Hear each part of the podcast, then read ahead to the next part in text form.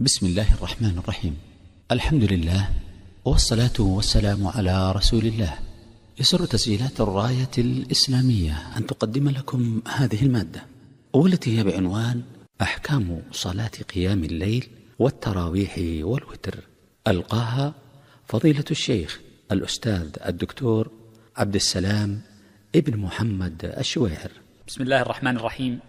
الحمد لله حمدا كثيرا طيبا مباركا فيه كما يحب ربنا ويرضى وأشهد أن لا إله إلا الله وحده لا شريك له وأشهد أن محمدا عبد الله ورسوله صلى الله عليه وعلى آله وأصحابه وسلم تسليما كثيرا إلى يوم الدين. ثم أما بعد فإننا بمشيئة الله عز وجل في هذه المجالس نجتمع ونتذاكر بعضا من أحكام قيام الليل وخصوصا في رمضان. فنتذاكر هذا الفعل العظيم وهذه الشعيرة الجليلة التي هي من أفضل الشعائر بعد أداء الفرائض. في موسم فاضل وهو من أفضل مواسم العام على سبيل الإطلاق ومن أفضل المواسم التي تخص بهذه الشعيرة وهي قيام الليل وهو في رمضان. وكذلك هو في مكان فاضل في مسجد رسول الله صلى الله عليه وآله وسلم. إن حديثنا هذه الليلة أيها الإخوة سيكون حديثا عن صلاة الليل وقيامه.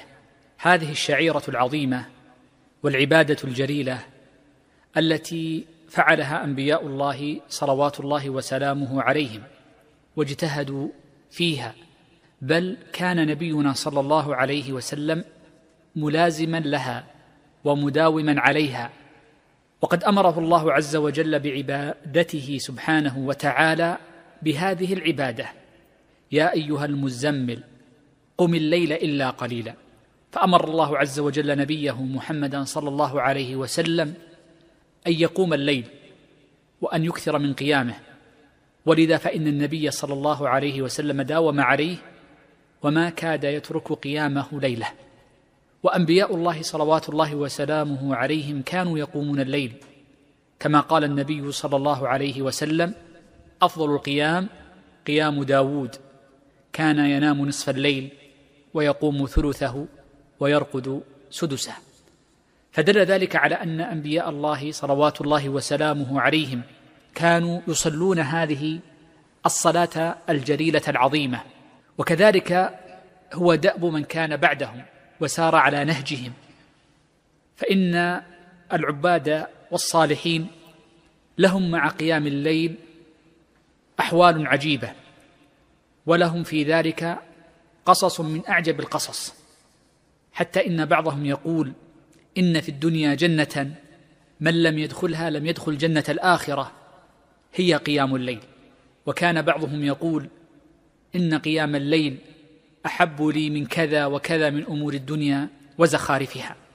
وكان بعض الناس إذا وجد في نفسه تعبا ووجد في قلبه بعدا أقبل إلى الله عز وجل في صلاة الليل.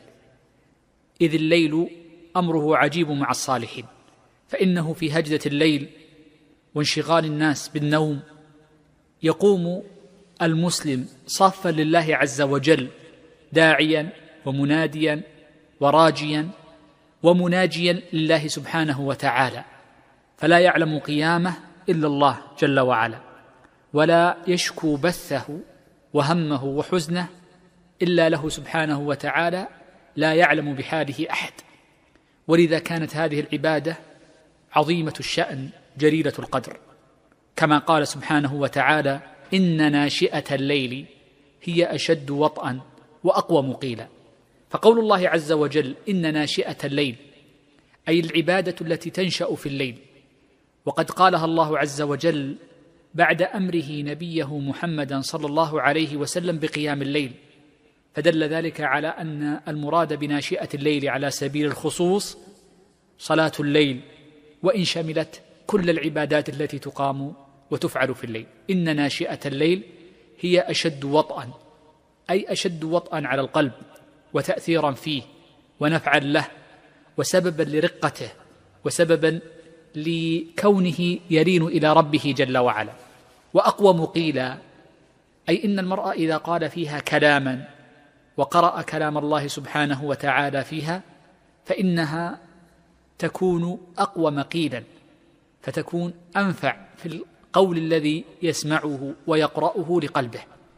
ولذا فإن صاحب الليل يعرف عن غيره كما جاء في الأثر عن ابن مسعود رضي الله عنه لما ذكر صاحب القرآن وحامله قال يلزم أن يعرف بليله إذ الناس نائمون.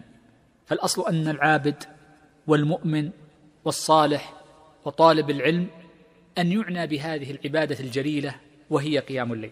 وإننا في هذه الليلة وهذا اللقاء وما بعده بمشيئة الله عز وجل سنتكلم عن بعض الأحكام المتعلقة بصلاة الليل. لأن العبد إذا عني بعبادة فأدى تلك العبادة على اتباع للنبي صلى الله عليه وسلم وتأسم به فإن أجره في أدائه هذه العبادة يكون أعظم من أجر غيره الذي ربما لم يتعلم سنن النبي صلى الله عليه وسلم. ولذا فإن أول مسألة سنتكلم عنها في ليلتنا هذه فيما يتعلق بصلاة الليل هو هذه العبادة أعني قيام الليل أنها عبادة فاضلة. بل إنه قد جاء عن النبي صلى الله عليه وسلم كما ثبت ذلك في الصحيح أنه قال أفضل الصلاة بعد المكتوبة صلاة الليل. وهذا القول من النبي صلى الله عليه وسلم يدلنا على أن صلاة الليل هي أفضل النوافل وأنها من أحب الأعمال إلى الله جل وعلا ولا يفضلها إلا الصلوات المفروضة الواجبة وهي الصلوات الخمس. وكذلك أيضا فروض الكفايات فإنه من المتقرر عند أهل العلم أن فروض الكفايات أفضل من السنن التي لا تكون واجبة على الكفاية. فصلاة العيد مثلا حيث قلنا إنها من فروض الكفايات وصلاة الجنازة تكون أفضل من قيام الليل لكونها واجبة على البعض. فالمقصود أن صلاة الليل هي أفضل الصلوات بعد الفرائض سواء كانت فرائض أعيان أو كانت فرائض كفاية. وهذا الحكم بأنها أفضل يدل على أنها سنة وليست بواجبة. وقد أجمع أهل العلم على أن قيام الليل سنة بل هو سنة مؤكدة. ومعنى كونه سنة مؤكدة أي أنه يكره للمرء أن يترك قيام الليل بالكلية وأن لا يفعل شيئا من قيام الليل. وأقل قيام الليل ركعة وهو الوتر الذي سنتكلم عنه بالتفصيل بعد ذلك بمشيئة الله عز وجل.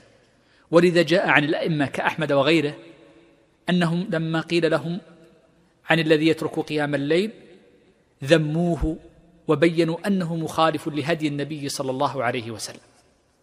المسألة الثانية معنا وهو ما يتعلق بوقت قيام الليل. وقد ذكر العلماء رحمهم الله تعالى أن وقت قيام الليل يبدأ من غروب الشمس إلى طلوع الفجر. فكل ما صلاه المسلم من بعد غروب الشمس إلى طلوع الفجر فإنه يسمى قيام ليل ويستثنى من ذلك الفرائض. عن المغرب والعشاء فليست من قيام الليل لأنها صلاة فريضة.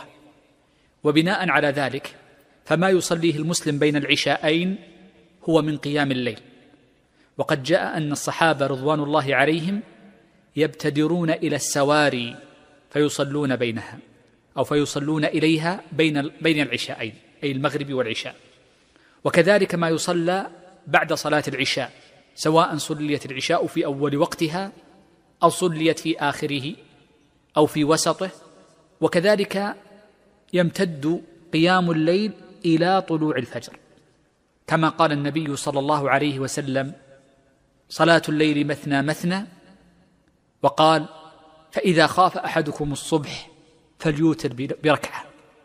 فقوله إذا خاف أحدكم الصبح يدلنا على أن منتهى قيام الليل هو طلوع الفجر. وبناء على تحديد أهل العلم رحمهم الله تعالى لوقت قيام الليل فإن هذا يدل على أمور. الأمر الأول أن كل ما صلي في ذلك الوقت يسمى قيام ليل. وعلى ذلك فإنه يدخل في قيام الليل السنن الرواتب التي يؤديها المسلم بعد المغرب وبعد العشاء ويدخل في قيام الليل كذلك ما سنتكلم عنه في لقائنا الثاني وهو التراويح التي تصلى في رمضان. فإن التراويح في رمضان من قيام الليل ومما يدخل كذلك في قيام الليل وهو جزء منه وهو الوتر. فإن الوتر جزء من قيام الليل. ولكنه ينفرد بأحكام خاصة به. تخالف باقي قيام الليل وسنتكلم عنه إن شاء الله في لقاء مستقل بإذن الله عز وجل. هذه المسألة الأولى. المسألة الثانية أن القاعدة عند أهل العلم أن السنن إذا كانت مؤقتة بوقت فإنه لا يصلح فعلها قبل وقتها ولا بعد خروج وقتها. فأما فعلها قبل وقتها فلا يصح ولا شك في ذلك. وأما بعد خروج الوقت فإنه يسمى قضاء ولا يقضى شيء من السنن إلا ما ورد عن النبي صلى الله عليه وسلم. ولم يثبت عنه صلى الله عليه وسلم أنه قضى شيئا من الصلوات لا من قيام الليل ولا من غيرها من صلوات النهار إلا أن تكون الصلاة وترا أو أن تكون من السنن الرواتب. وبناء على ذلك فإنه لا يقضى من صلاة الليل لمن طلع عليه الفجر ولم يكن قد صلى صلاة الليل فإنه لا يصلي بعد طلوع الفجر شيئا من الصلوات إلا الوتر فقط دون ما عدا فيصليه بعد طلوع الفجر. وله أحوال لعلنا أن نتكلم عنها إن شاء الله عز وجل في لقائنا الثاني المتعلق بصلاة الوتر وأحكامها. إذا عرفنا ذلك وأن قيام الليل ممتد وقته من صلاة المغرب إلى طلوع الفجر فإن هذا القيام باعتبار وقته ليس في الأجر سواء فإن بعضه أفضل من بعض إما باعتبار الوقت أو باعتبار الحال. إذا هناك معياران بينها أهل العلم رحمهم الله تعالى في تفضيل بعض قيام الليل على بعض. والدليل على ذلك أن النبي صلى الله عليه وسلم ميز وفضل قيام داود على قيام غيره فقال أفضل القيام قيام داود عليه السلام. فدل على أن بعض قيام الليل يكون أفضل من بعض باعتبار الحال وباعتبار الزمن. وهذان الأمران وردا في الحديث الذي قاله النبي صلى الله عليه وسلم. أفضل القيام قيام داود عليه السلام كان ينام نصف الليل. ويقوم ثلثه ويرقد سدسه. فباعتبار الحال قال أهل العلم إن أفضل القيام قيام بالصلاة بعد رقود وأن يتبع القيام رقود فيكون قبله رقود ويكون بعده رقود. أفضل القيام قيام داود كان ينام نصف الليل ثم يصلي ثم ينام سدسه الأخير. فإذا سبقه نوم وتبعه نوم فهذا هو أفضل القيام. وقد كان نبينا صلى الله عليه وسلم يفعل ذلك. فإنه كان إذا أوتر اضطجع على جنبه صلوات الله وسلامه عليه. ولذا قال بعض أهل العلم إن هذا الاضطجاع مستحب. نص عليه جماعة من أهل العلم وهو أحد الروايتين عن أحمد. فدل ذلك على استحباب الحال أن يكون قبله نوم وبعده نوم. ثم يليه في الأفضلية باعتبار الحال حال النوم أن يكون قيام الليل بعد النوم وذلك بأن يستيقظ المسلم آخر الليل فيقوم مصليا لله عز وجل إلى طلوع الفجر ثم يذهب إلى صلاته وهذا هو الدرجة الثانية باعتبار الحال. الدرجة الثالثة باعتبار الحال أن يكون قيام الليل قبل النوم. أي قبيله. وقد جاء في حديث أبي هريرة رضي الله عنه أنه قال أوصاني خليلي بثلاث وكان مما ذكر أبو هريرة رضي الله عنه أن النبي صلى الله عليه وسلم أوصاه بأن يوتر قبل أن ينام. ولذلك فإن الدرجة الثالثة أن يوتر قبل النوم. وقد قيل إن النبي صلى الله عليه وسلم أوصى أبا هريرة بأقل الكمال. والحالة الرابعة في قيام الليل أن لا يكون سابقا له نوم ولا لاحقا له وذلك مثل الصلاة بين العشاءين ومثل الصلاة بعد صلاة العشاء مباشرة فإن هذا هو الدرجة الرابعة وهو داخل في قيام الليل وهو فاضل ولا شك ولكن الأفضل باعتبار الحال ما سبق. وجعل المعيار الاستيقاظ من النوم أو أن يكون بعده نوم لأن هذه الحال أولا أصفى للذهن. فإن المرء إذا استيقظ من نومه كان ذهنه أصفى أو إذا كان متجها إلى النوم فإنه لا يكون منشغلا بشيء يريد أن يفعله. فيكون ذلك أقوم قيلا وأنفع لقلبه. والأمر الثاني أن من فعل هذه الصيغة الفاضلة أو ما دونها في الأفضلية على الترتيب السابق فإنه حينئذ يظهر صدقه وقيامه لأجل هذه العبادة. فالذي يستيقظ من النوم لأجل قيام الليل فقط ثم يرجع إلى نومه فهذا قيامه من فراشه لأجل هذه العبادة بعينها فلذلك كان أفضل. إذن هذا هو الأمر الأول والمعيار الأول وهو تفضيل بعض قيام الليل على بعض باعتبار الحال.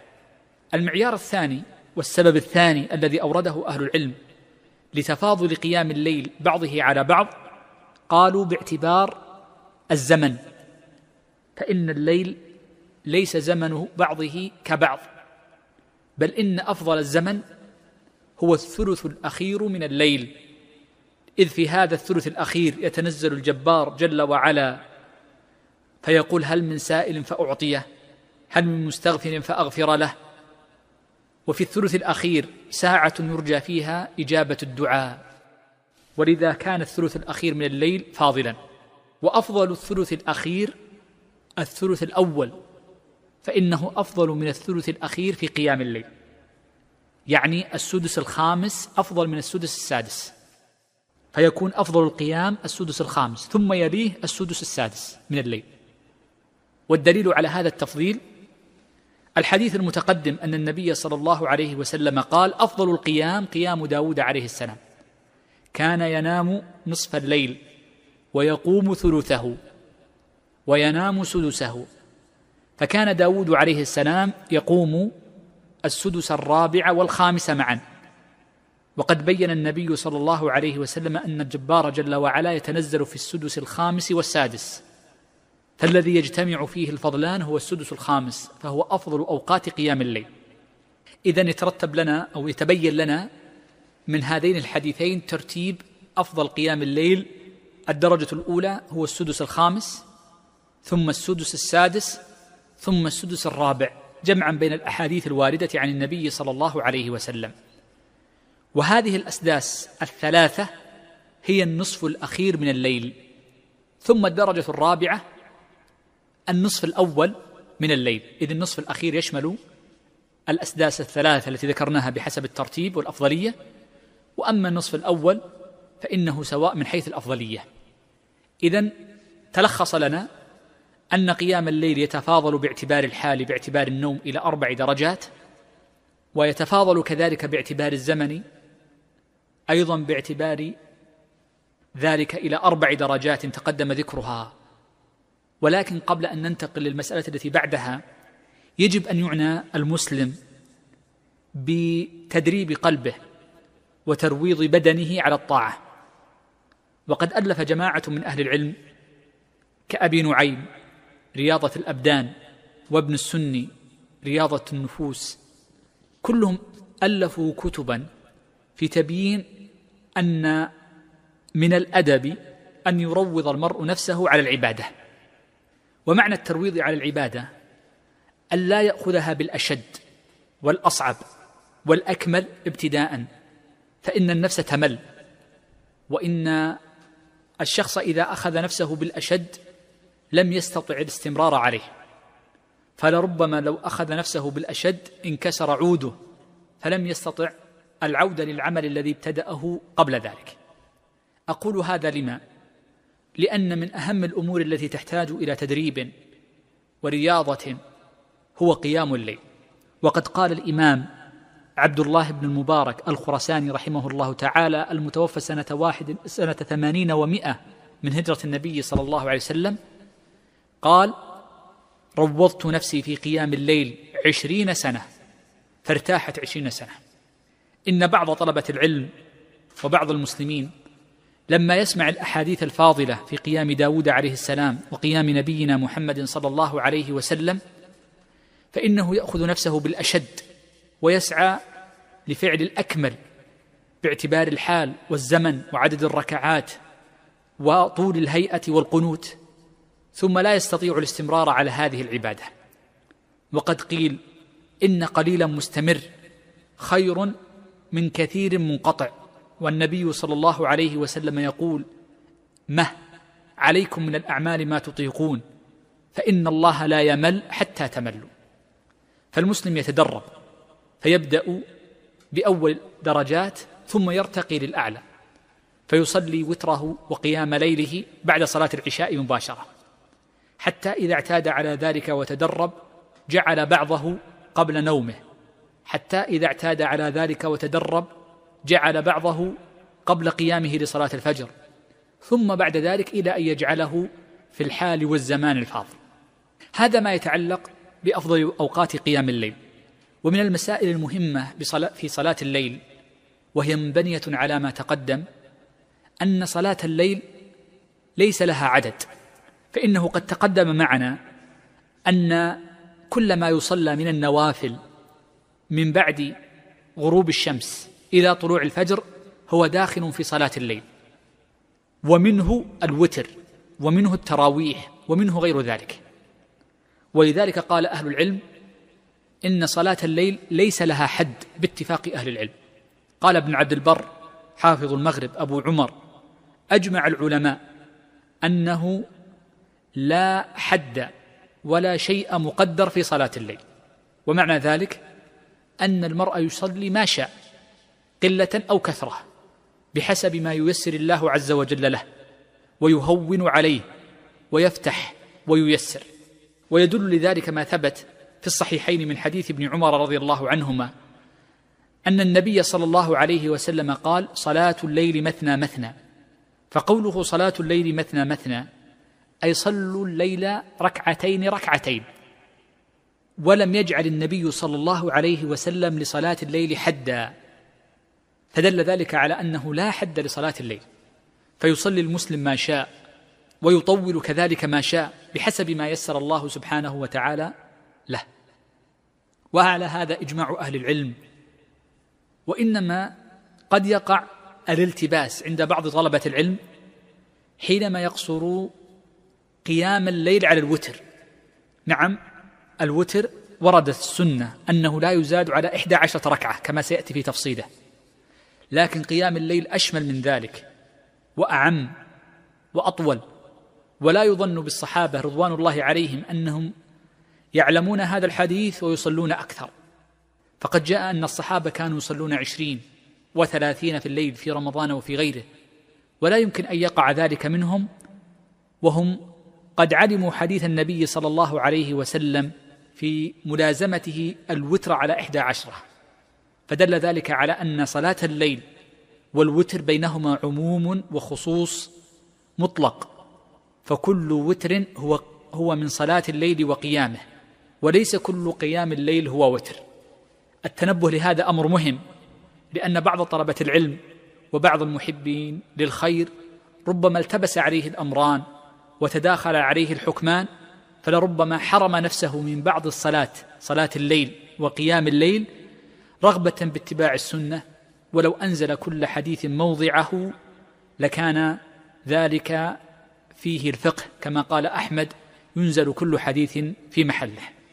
هذا ما يتعلق بعدد ركعات الليل وأنه لا حد لها صلاة الليل عدد ركعات صلاة الليل وأنه لا حد لها.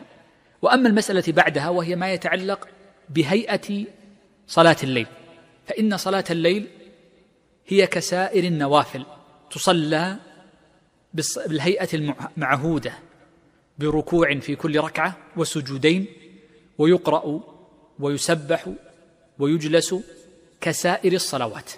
بيد أن قيام الليل لما كان من النوافل وليس من الفرائض جاز أن يصلى جالسا. وقد ثبت أن النبي صلى الله عليه وسلم كان في آخر حياته لما ثقل عليه الصلاة والسلام يصلي صلاة الليل جالسا. ولكن الذي يصلي الليل جالسا أو سائر النوافل جالسا فإن له حالتين. الحالة الأولى أن يصليها وقد اجتمع فيه قيدان. أن يكون ذلك لعذر إما لتعب أو مرض أو كبر أو نحو ذلك. والقيد الثاني أن يكون معتادا على فعل هذه السنة قبل ورود وطروء هذا العارض عليه. فإن المرء إذا صلى وقد وجد فيه هذان القيدان فإنه إذا صلى جالسا فإنه ينال أجر صلاة القائم. كما ثبت في صحيح البخاري من حديث أبي موسى أن النبي صلى الله عليه وسلم قال إن العبد إذا مرض أو سافر كتب له أجر ما عمله صحيحا مقيما. فدل ذلك على أن هذه العوارض وإن ترخص فيها المسلم وتخفف وصلى جالسا إلا أن له الأجر تاما وهذا من رحمة الله عز وجل وفضله وإحسانه على أمة محمد صلى الله عليه وسلم. الحالة الثانية أن يكون المرء يصلي جالسا من غير عذر فإنه في هذه الحال يكون أجره على نصف القائم. كما قال النبي صلى الله عليه وسلم صلاة القاعد على نصف صلاة القائم. وهذا محمول على النافلة إذا صلى جالسا من غير عذر فإنه في هذه الحال ينال أجر صلاة نصف صلاة القائم في حال القيام. هذا ما يتعلق بالتخفف في صلاة القيام جوازا من عذر أو لغيره فيترك القيام فقط. أما الركوع والسجود فإنه لا يومأ بهما في الحضر فمن صلى صلاة الليل وهو على غير دابته وكان مستطيعا الركوع والسجود فإنه يلزمه الإتيان بهما وإنما خفف وأبيح فقط ترك القيام لأن القيام مظنة الطول بكثرة القراءة ونحوها. هذا الأمر الأول فيما يتعلق بهيئة صلاة قيام الليل عموما. الأمر الثاني فيما يتعلق بالهيئة أن السنة والأفضل في صلاة الليل أن تصلى ركعتين فيسلم من أراد صلاة الليل من كل ركعتين. وذلك لما ثبت في الصحيحين من حديث ابن عمر رضي الله عنهما أن النبي صلى الله عليه وسلم قال صلاة الليل مثنى مثنى. فلما سئل ابن عمر رضي الله عنهما ما معنى مثنى مثنى؟ قال أي أن يسلم في كل ركعتين. فالسنة في صلاة الليل ما عدا الوتر أن يصلي ركعتين ثم يسلم من كل ركعتين. فيأتي بالتحيات والصلاة على النبي صلى الله عليه وسلم ثم يدعو ثم يسلم. هذا هو الأفضل. ولكن يجوز أن يصلي أربعا سردا بسلام واحد لأنه قد يفهم ذلك مما جاء في حديث عائشة رضي الله عنها. أن النبي صلى الله عليه وسلم كان يصلي أربعا لا يسأل عن حسنهن وطولهن. فيحتمل أن تكون أربعا بسلام واحد وقد ورد ذلك عن بعض الصحابة رضوان الله عليهم. إذن فهذا على سبيل الجواز. وأما على سبيل الأفضل والأتم فأن يصلي ثنتين وإن سرد أربعا جاز من غير كراهة. إذ النبي صلى الله عليه وآله وسلم لا يفعل شيئا مكروها. أما الوتر فإن له هيئة مختلفة فإنه صلى ركعة وثلاثا وخمسا وسبعا وسنتكلم عنها بالتفصيل في محلها إن شاء الله عز وجل. ومن الأحكام المتعلقة بقيام الليل وهيئته من حيث العموم أن من السنن المؤكدة في قيام الليل إطالة القيام والتطويل فيه وقد قال الله عز وجل وقوموا لله قانتين والمراد بقانتين أي مخبتين مديمين للعبادة. فالسنة إطالة القيام. وقد جاء عن النبي صلى الله عليه وسلم في أكثر من حديث أنه قام بالبقرة في ركعة وفي بعضها قام بالبقرة وآل عمران والنساء حتى قال صاحبه لقد هممت بأن أنفتل من صلاتي. وهذا يدلنا على إطالة القراءة فإن إطالة القراءة في صلاة الليل مقصودة بل إن الله عز وجل بين أن بين القراءة وبين الصلاة في الليل علاقة وذكرها على سبيل الاقتران فقال سبحانه إن ناشئة الليل هي أشد وطئا واقوم قيلا فالقراءة في صلاة الليل مقصودة. وقد كان بعض السلف رحمهم الله تعالى يطيلون القراءة حتى جاء عن بعضهم في الليالي الفاضلة أنه ربما قرأ القرآن كله. وقد قال المحققون من أهل العلم أن معنى ما ورد أن عن بعض الصحابة رضوان الله عليهم أنه كان يقرأ القرآن في ليلة ليس معناه أنه يقرأه من أوله إلى آخره. وإنما معنى ذلك أنه يقرأ من أوله وأواسطه وأواخره فيكون قد مر على أغلب القرآن لأنه قد يطلق كما قال عبد الله بن المبارك قد يطلق على الشيء إذا أخذ أكثره يطلق عليه كل عليه أنه قد فعله كله. ذكر ذلك عبد الله بن المبارك في حديث صيام النبي صلى الله عليه وسلم لشعبان كما عند الترمذي. إذا عرفنا ذلك وأن السنة إطالة القراءة فإن من السنن المهمة كذلك أن تكون القراءة متناسبة مع الركوع والسجود فلا يطيل القيام في القراءة ويخفف الركوع والسجود بل السنة أن تكون متقاربة. فقد جاء في صفة صلاة النبي صلى الله عليه وسلم أن سجوده وركوعه كان نحوا من قيامه فمن أطال القيام أطال الركوع وأطال السجود. فإن هذه مما يستحب إطالته عند إطالة القراءة.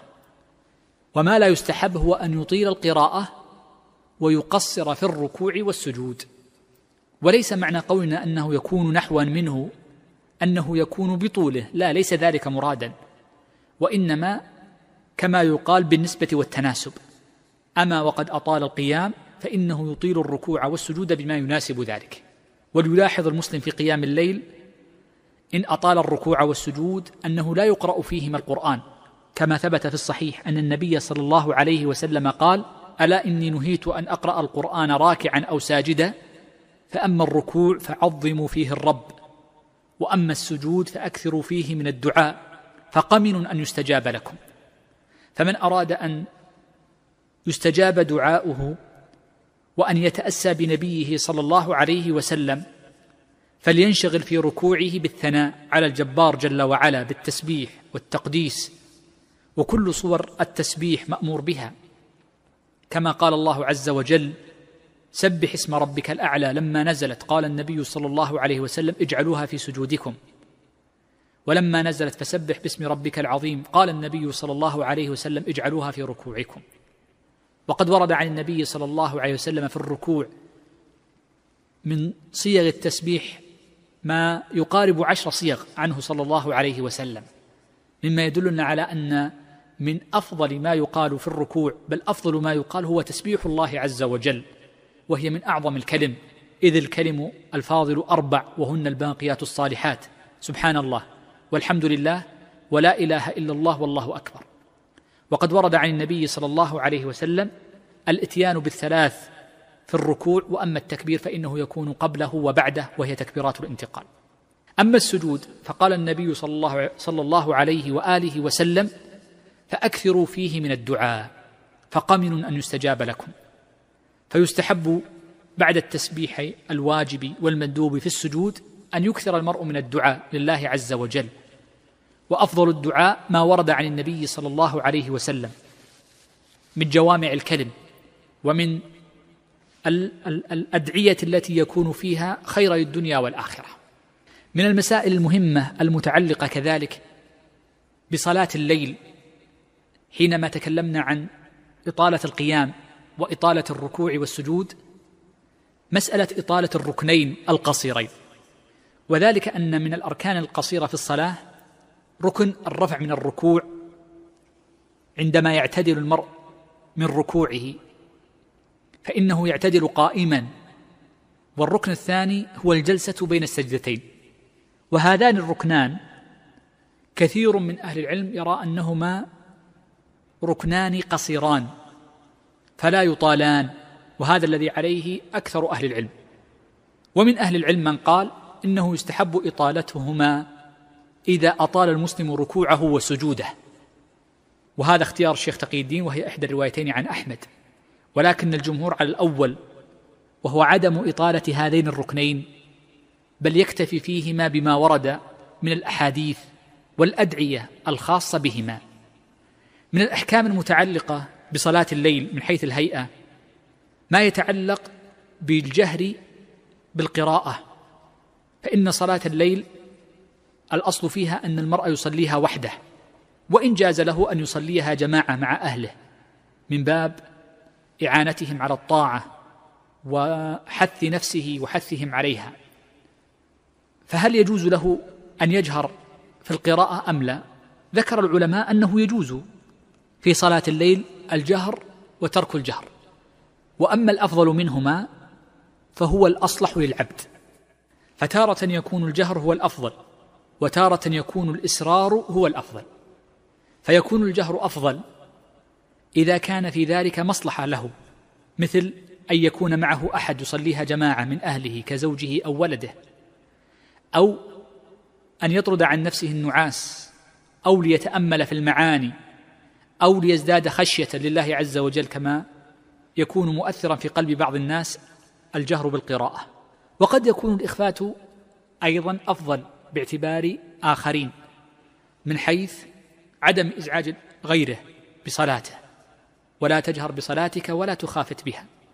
وقد يكون الإصرار أصلح لأجل الإخلاص لله عز وجل وإبعاد أسباب الرياء والمراءات والتسميع وكل هذا مما يستوي. ولذلك فإننا نقول إن القراءة في صلاة الليل ليس الأفضل الجهر ولا الإصرار وإنما هو معلق بالأصلح للعبد فهو معلق بصلاح قلبه والأصلح له وكل بحسبه. وقد ذكر أهل العلم رحمهم الله تعالى أن القراءة في صلاة الليل بالمصحف جائزة من غير كراهة. وقد جاء أن عائشة أم المؤمنين رضي الله عنها كان يؤمها مولاها ذكوان وكان يقرأ في مصحف. وأما غير صلاة الليل من الفرائض فإن العلماء يمنعون من القراءة في المصحف لأنها حركة والحركة مكروهة لأنها مخالفة لصفة الصلاة. وأما في صلاة الليل فإنه قد ارتفعت هذه الكراهة لأجل الحاجة والمصلحة إذ من أعظم مقاصد صلاة الليل قراءة القرآن فيه. وكثير من الناس لا يحفظ شيئا من القرآن فحينئذ نقول له أن يقرأ من غير كراهة في مصحف سواء كان مصحفا يحمله أو يجعله على حامل أو غير ذلك. هذا على سبيل الإجمال أهم الأحكام المتعلقة بصلاة الليل. هذه الصلاة التي لا يعرف لذتها ولا عظيم الأنس بها إلا من عني بها ولازمها وكابدها ليالي طوالا حتى أصبحت انسا له. وقد ذكر أهل العلم رحمهم الله تعالى أن الخير في أمة محمد صلى الله عليه وسلم إلى قيام الساعة وسيبقى قيام الليل فيها إلى آخر الأوقات. إذ جاء في بعض الأخبار وإن كان في إسناده مقال أنه إذا طلعت الشمس من مغربها فإن أول من يحس بطلوعها من مغربها هم العباد الذين يقومون الليل. فإن صح ذلك والعلم عند الله عز وجل فهذا يدل على أن هذه الأمة أمة خير في أولها وآخرها وأواسطها الخير وأن المتمسك بدينه في آخر الزمان كالقابض على الجمر. ومن أعظم ما يكون من أسباب الثبات على الدين العناية بالعبادات التي تكون سرا وهي عبادات السر التي لا يطلع عليها إلا الله سبحانه وتعالى. فكم في الليل من مناجاة لله عز وجل وإصرار لا يطلع عليها أحد إلا الله سبحانه وتعالى. أسأل الله العظيم رب العرش الكريم أن يجعلنا جميعا من أهل الهدى والتقى وأن يجعلنا من أهل القرآن الذين يقومون به ويقرؤونه آناء الليل وأطراف النهار على الوجه الذي يرضي الله عز وجل عنا وأسأله سبحانه وتعالى أن يعيننا على أنفسنا وأن يجعلنا من أهل الصلاة وقيام الليل وأن يغفر لنا ولوالدينا وللمسلمين والمسلمات الأحياء منهم والأموات. وأسأله جل وعلا أن يغفر لوالدينا وأن يرحمهما وأن يجزيهما خير ما جزى والدا عن ولده وأن يصلح لنا في نياتنا وأن يغفر لنا ذنوبنا وأن يصلح ولاة أمورنا ويوفقهم لكل خير. وصلى الله وسلم وبارك على سيدنا ونبينا محمد وعلى آله وصحبه أجمعين.